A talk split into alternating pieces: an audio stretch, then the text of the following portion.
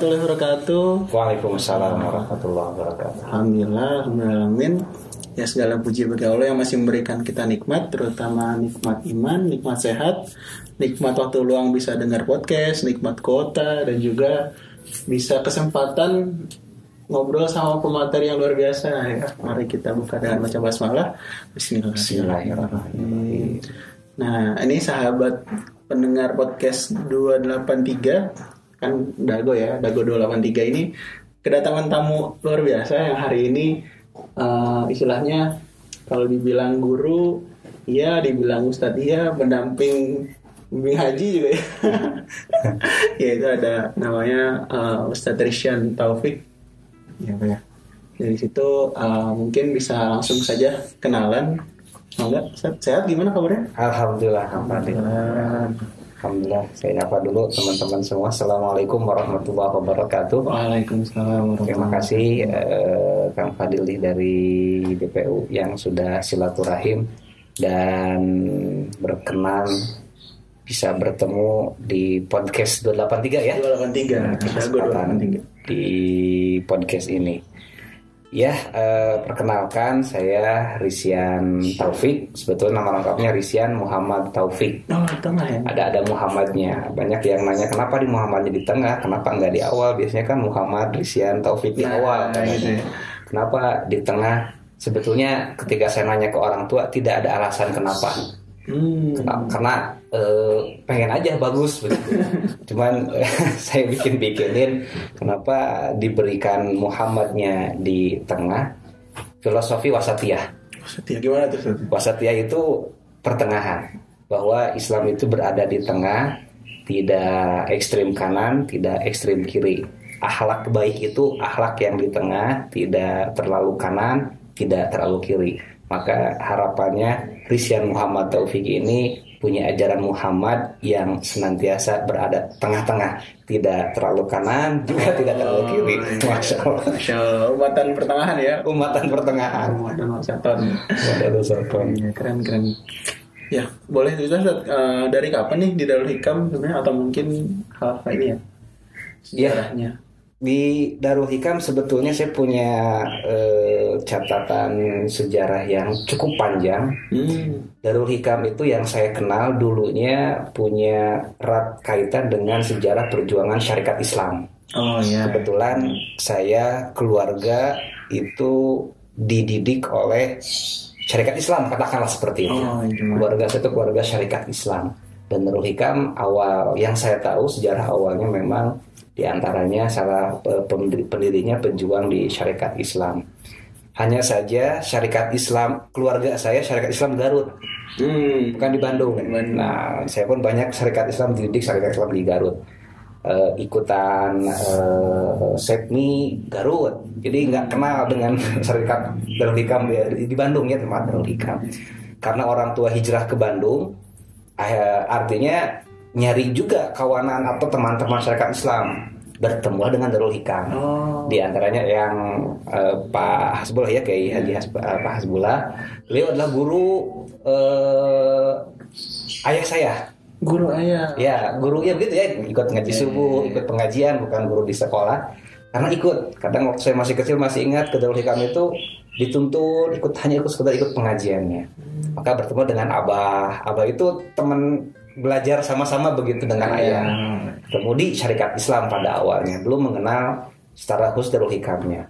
Setelah itu eh, muncul Darul Hikam, Hmm. Sebet- sebetulnya eh, dan syarikat Islam kan memang berjuangnya sejak dahulu di bawah tanah ya karena dianggap organisasi terlarang waktu itu tidak boleh eh, ya dianggapnya punya paham yang keras waktu itu ya syarikat Islam yang yang diyakini kemudian ada syarikat, ada organisasi syarikat Islam yang bergerak waktu itu tapi Darul Hikam tidak menampakkan Hmm. nah tapi punya kaitan erat dengan orang-orang yang ada dalamnya Iya, iya. sebetulnya ke sana kenal dengan Darul Hikam itu.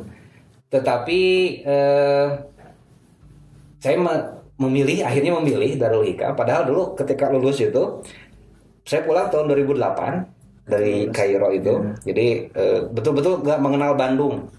Saya orang asli orang Bandung, orang tua di Bandung, tapi SD, SMP apalagi SMP SMA itu sudah masuk pesantren full 6 tahun itu di Garut Full di Garut ya. full di Garut jadi di Bandung itu hanya pulang ke orang tua saja full pesantren di Garut setelah selesai di Garut eh, selesai aliyah langsung menuju Kairo Masya Allah langsung. ya dibantu teman-teman alumni Iya. alumni pesantren yang ada waktu itu langsung ke sana dan alhamdulillahnya dapat eh, beasiswa. Jadi ya udah lanjut di sana.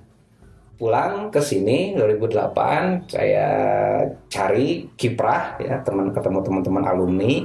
Sempat mau masuk eh ini apa Ma'had bahasa Arab itu? Oh, uh, Alimarot. Ali Marot ya. nah sempat masuk ke Alimarot. Ya. tapi eh, di antaranya memang tidak besar karena anggota itu belum besar tuh itu. Hmm, 2008. Iya, ya, masih 2008 masih ini eh, sehingga tidak banyak yang diambil. Oh. Ah, jadi nggak banyak yang diambil di, eh, sebagai pengajarnya itu. Sementara kita waktu itu datang agak banyak.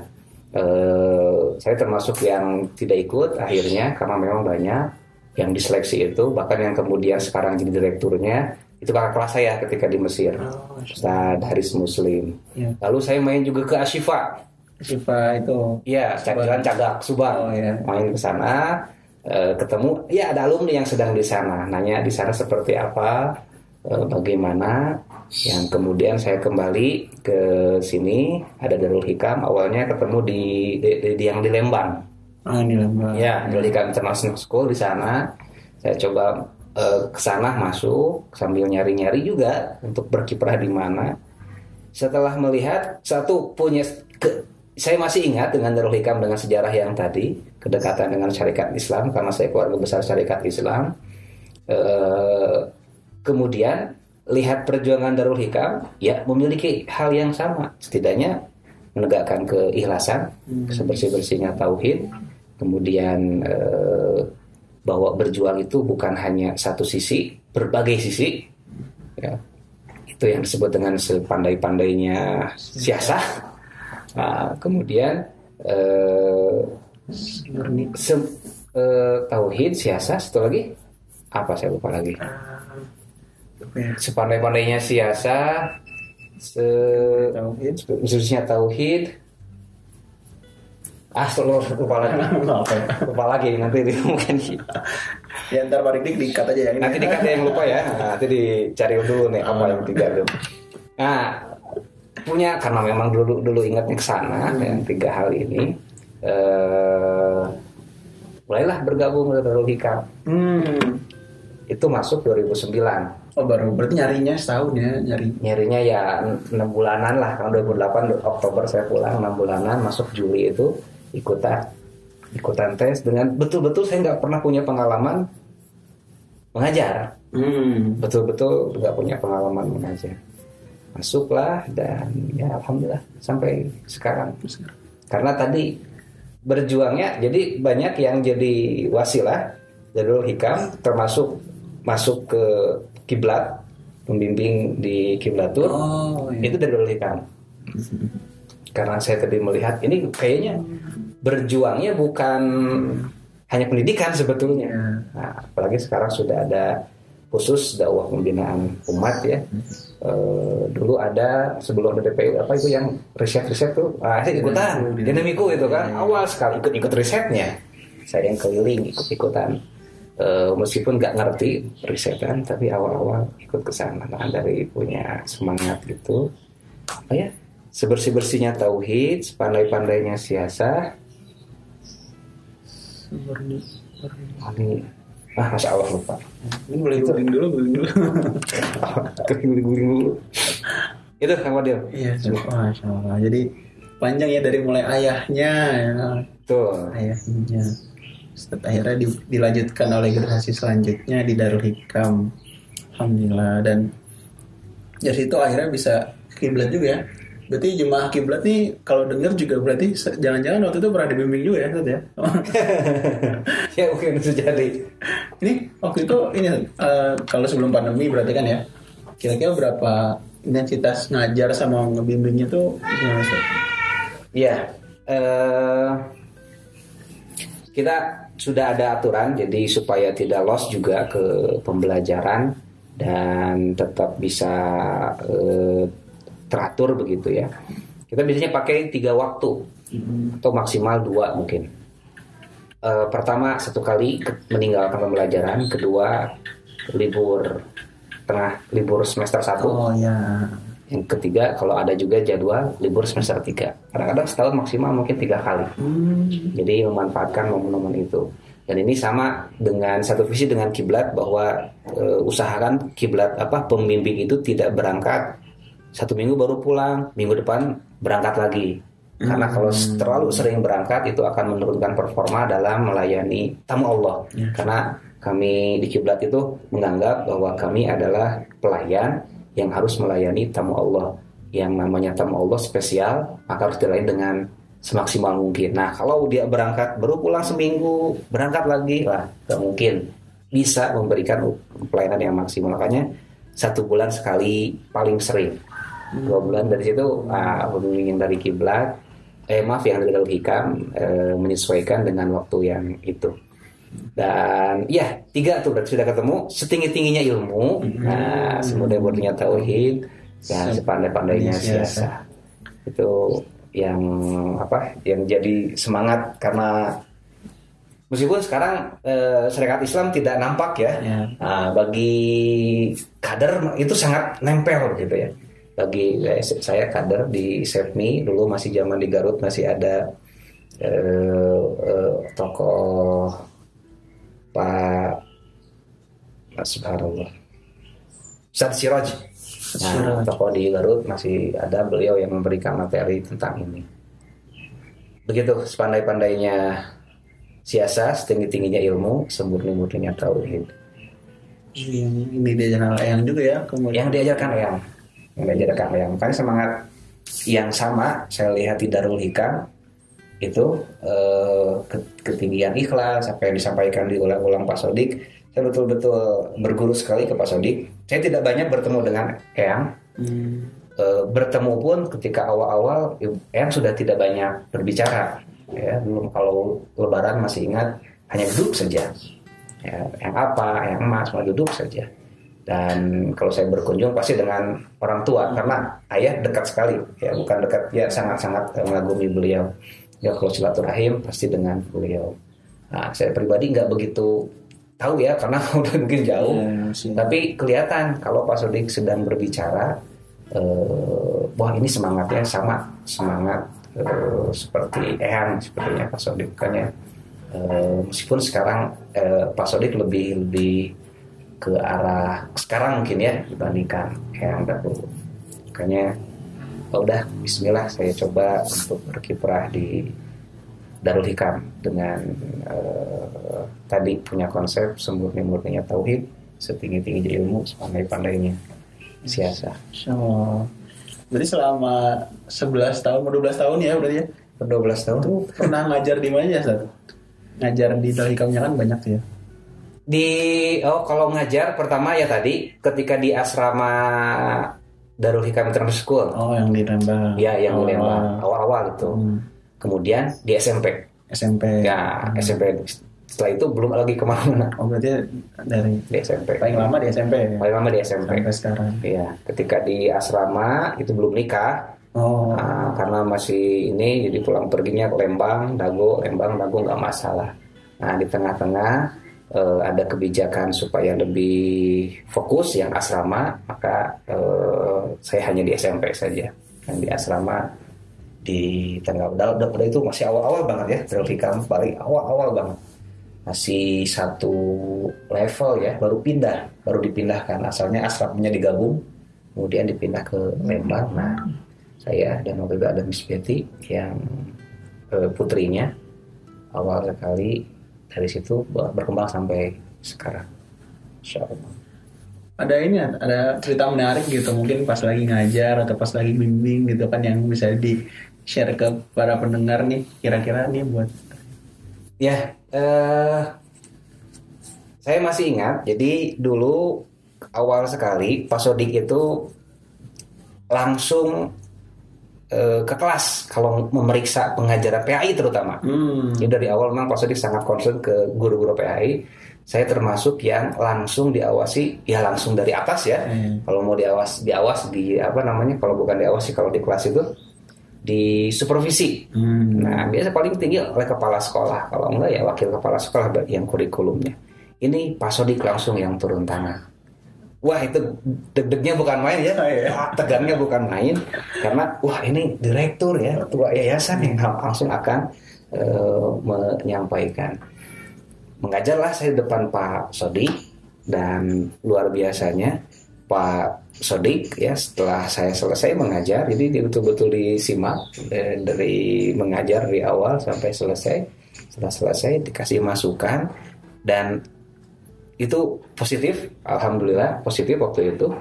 Meskipun eh, ada satu hal yang kemudian saya masih ingat sampai sekarang, masih ingat sampai sekarang bahwa sampai Sodik tanamkan ke anak itu jangan hanya menakut-nakuti dengan neraka atau mengiming dengan surga, Hmm. tapi dorong anak itu menemukan kebaikan sejak di dunia kurang lebih gitulah Hmm. jadi sholat itu buat apa? Dan sampai sekarang itu saya pegang terus. Sholat itu bukan hanya nanti mendapatkan surga, bukan hanya sholat kalau nggak sholat mendapatkan neraka, tapi kalau sholat tambah sehat. Ya. Dulu di Darul Hikam masih ada pelajaran akidah akhlak. Dulu itu. Kalau sekarang kan sudah satu Agama ya. satu agama PAI. Dulu itu masih dipisah-pisah. Jadi eh, kayaknya yang ngikut ke Sanawiyah, padahal kan itu SMP ya. Nah, saya masih ingat pesannya itu.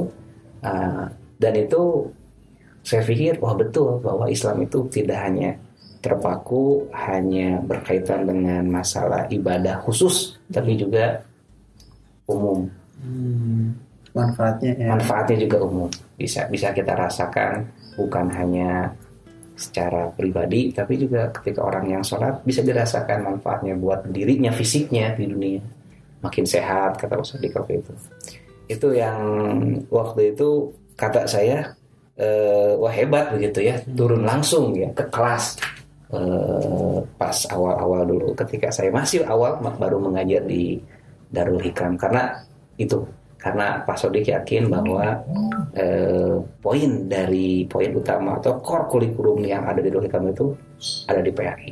Makanya ide-ide beliau kan bagus ya. Ada TCB muncul, saya yang ikut juga ikut eh, belajar apa itu TCB dan sampai sekarang saya pegang kalau ini tuh dipakai tujuh nilai itu Eh, dan kemudian muncul ide-ide yang luar biasa lah dari Pak Sodik. Masya Allah. Ya, banyak banget ya sebenarnya ya. Menarik banget dan tadi ya berkesan dan insya Allah bakalan terus dilanjutkan ya. Ya, insya Allah.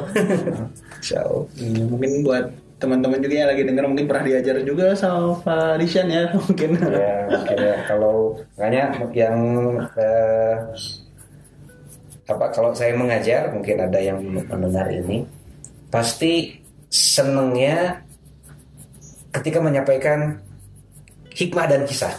Hmm. anak-anak itu kalau saya masuk biasanya saya menyampaikan hikmah dan kisah. Baik pengalaman pribadi atau pengalaman Rasulullah. Kadang-kadang dari bukunya ya saya ambil poinnya Eh, itu karena semangat yang tadi bahwa eh, di balik semua ilmu itu pasti tadi ada manfaat yang bisa kita ambil. Makanya sudah sampaikan nilainya eh, kemanfaatannya nilainya sehingga bisa diambil buat kehidupan mereka terkadang yang memang eh, justru anak butuh itu dibandingkan Iya. hanya teori-teori belaka Lebih terasa. lebih ya. terasa makanya sampai sekarang eh, sekarang alhamdulillah ada Quran dulu kan belum ada Quran khusus hafalan seperti sekarang ya Oh iya. dulu itu ada Qurannya Quran tematik jadi anak-anak hanya menghafal ayat-ayat tertentu terjemahannya dan tafsirnya kalau sekarang sudah satu juz sudah udah udah hafalannya sudah mulai diatur dulu masih tematik. Nah eh, sehingga lebih kuat ke anak-anak untuk menyentuh eh, sisi Quran ini. Meskipun saya melihat eh, yang masuk ke Darul Hikam itu eh, menuntut bukan dia faham bukan maksudnya bukan menuntut dia menjadi seorang ustadz. Tapi bagaimana sikapnya berakhlaknya seperti ustadz begitulah. Ya, makanya nggak perlu lah saya kasih tahu anak-anak itu secara rinci teorinya apa begitu. Iya, iya. tapi nih nilainya. Nih eh, manfaatnya. Nih semangatnya. Gitu. Dan itu jadinya ini ya apa nih? Eh, menggali hikmah dari sirah itu juga sebenarnya hal-hal yang menarik gitu ya Nah, itu. buat anak-anak yang yang selama ini mungkin dengar-dengar cerita dari mana tuh ya pas dengar Ustaz kan ngajar oh iya ternyata hikmahnya ini Iya. gitu kan ya. Iya, betul. Kayaknya ketika ada alumni, kakaknya pernah ke, pernah diajar sama saya, adiknya masuk. Adiknya langsung nanya, Parisian ya? Iya. Dulu kakak saya pernah diajar sama Parisian. Parisian ceritalah, tidak usah pakai gitu. ceritalah, lah kenapa cerita? Kata kakak kata kakak saya, Parisian itu kalau ngajar suka cerita katanya. Dan itu seru. Sebetulnya bukan mau menceritakan sesuatu yang kosong, tapi dari siro, betul dari siro.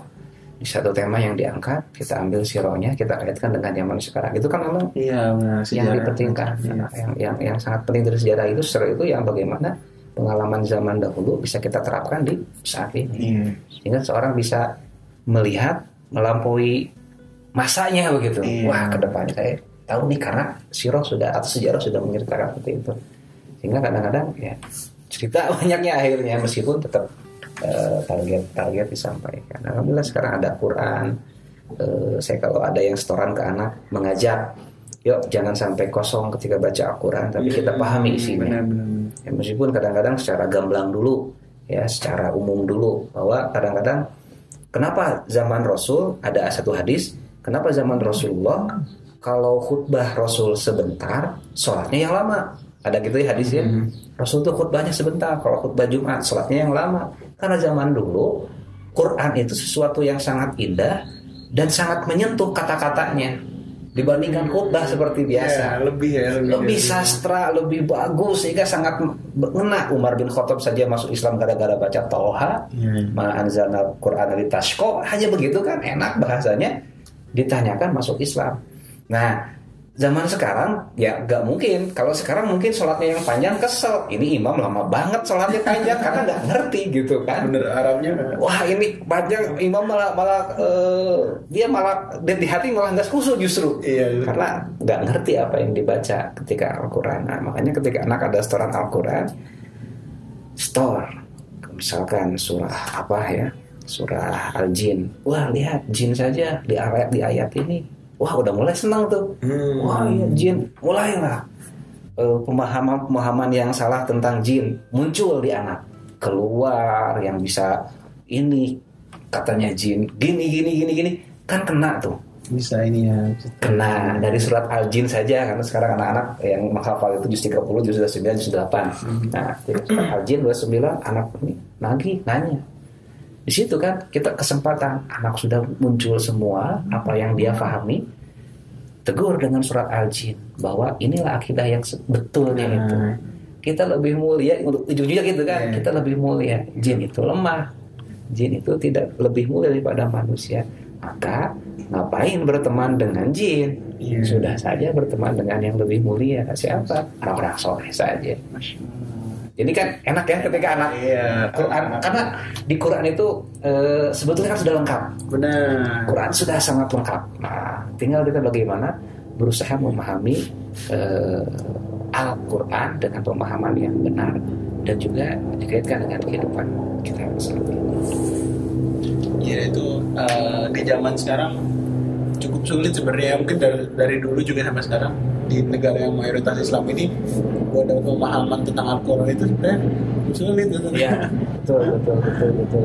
Karena tadi bahasa Arab masih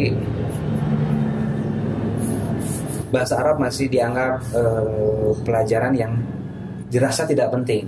Hmm. rata-rata ah udahlah belajar bahasa Arab untuk apa luar negeri kan yang pakai bahasa Inggris rata Hmm. seperti itu padahal penting buat memahami sholat penting buat memahami Al-Quran yang mana nilai-nilai prinsip-prinsip hidup itu di Al-Quran sudah sangat lengkap tinggal kita mau tidak menggalinya di Al-Quran makanya bagusnya DPU bikin program kajian ya tafsir Ya. nah mudah-mudahan mengarahkan ke sana Ya berarti buat yang para pendengar juga bisa ikutan tiap Sabtu pagi ya insya Sabtu Allah. pagi. Sabtu pagi subuh malah ya Sabtu subuh. Betul, betul, betul. Bahas Jus 30 yang mungkin sekian pertemuan kita juga belum tahu sampai kapan. Ya. Dan dari situ ketika sudah beres mungkin akan ada gelombang duanya gitu ya bahas Iya. lagi dari anak gitu kan terus terus. Dan ya istilahnya mudah-mudahan. ya muslim di Indonesia kan banyak ya 200 jutaan ya. Dan itu masih masih perlu banyak jalan panjang buat sampai paham hikmah-hikmah dalam Al-Quran hikmah-hikmah sirah gitu. Bersama dan kita alhamdulillah sudah menemukan guru yang semangatnya tersambung sampai ke Eyang gitu ya. Amin amin. Mudah-mudahan. Siap, meskipun nggak ketemu langsung apa bukan nggak ketemu ya belajar langsung lah kepada Eyang. Cepet cepet pasti ketemu. Tapi Eyang sudah duduk eh, kalau ada acara hanya duduk ya udah nggak banyak bicara ketika Eyang masih hidup saya eh, masih awal-awal masuk gitu. Tapi eh, sosoknya yang terbayang waktu kecil sekali eh, semangatnya kalau kalau masih pengajian ya masih masih terasa meskipun ya hanya duduk ya waktu itu. Dan eh, ya mudah-mudahan adalah generasi siapa pun itu yang meneruskan para ulama. Kita harus ngeri kalau sudah ulama banyak yang meninggal. Ya, Eh, tapi ya, setidaknya ada yang terus meneruskan semangat itu. Semangatnya dulu aja. Minimal semangatnya. Karena guru saya jadi ingat pesan dari anak-anak alumni itu penemu yang hebat itu bisa menghasilkan penemuan yang hebat. Hmm. tapi guru yang hebat itu bisa menghasilkan penemu-penemu yang hebat. oh dan pahalanya juga dapat ya. Pahalanya dapat penting jadi penemu lebih penting jadi guru yang hebat. Ya, gurunya hebat. gurunya para penemu. Nah itu. Oh, gurunya iya. para penemu. Nah mudah-mudahan nah ya sebagai guru. Saya yakin ada banyak kader Darul Hikam yang punya semangat yang sama. Di semangat ya ya semangat ya untuk berjuang semangat Pak Sodik untuk berjuang. Ini dari situ dari berbagai sisi. Dari berbagai sisi nggak kebayang dulu Pak Sodik masuk di eh, nggak tahu ya saya nggak masuk politik. Ternyata kan dari politik punya sisi yang eh, mewarnai begitu ya. Meskipun masih sangat sedikit masih sangat kurang untuk bisa mewarnai seluruh Indonesia. Nah, mudah-mudahan Darul Hikam kita punya semangat itu sehingga bisa mewarnai eh, masyarakat atau umat menjadi umat yang terbaik. Amin, amin. Ya, tetap, tetap berada, berada dalam jamaah di jalan kebaikan ya, ya. Nah, kita berada di jalan kebaikan, berjamaah di jalan kebaikan. Dan mungkin buat episode ini cukup sekian dulu ya, ya. Siap. Dan Terima kasih. Sudah banyak juga cerita-ceritanya, hikmah-hikmahnya. Ya, ditunggu di episode selanjutnya Insya bersama Mahdisan juga. Kita kasih kesempatan. Bakalan ada juga ya bahasan-bahasan menarik lainnya. Ya, kita coba alhamdulillah bersama-sama. Alhamdulillah. Istighfar sebaik-baiknya. Astagfirullahaladzim. Dan juga doa subhanaka Allahumma bihamdika asyhadu an la ilaha illa anta. Terima kasih banyak para Terima kasih. podcast 283 dan Go. Makasih banyak juga Ustaz Rishan udah mau Ya, terima kasih terima kasih teman-teman semua. Siap. Dan benar, uh, Assalamualaikum warahmatullahi wabarakatuh. Waalaikumsalam.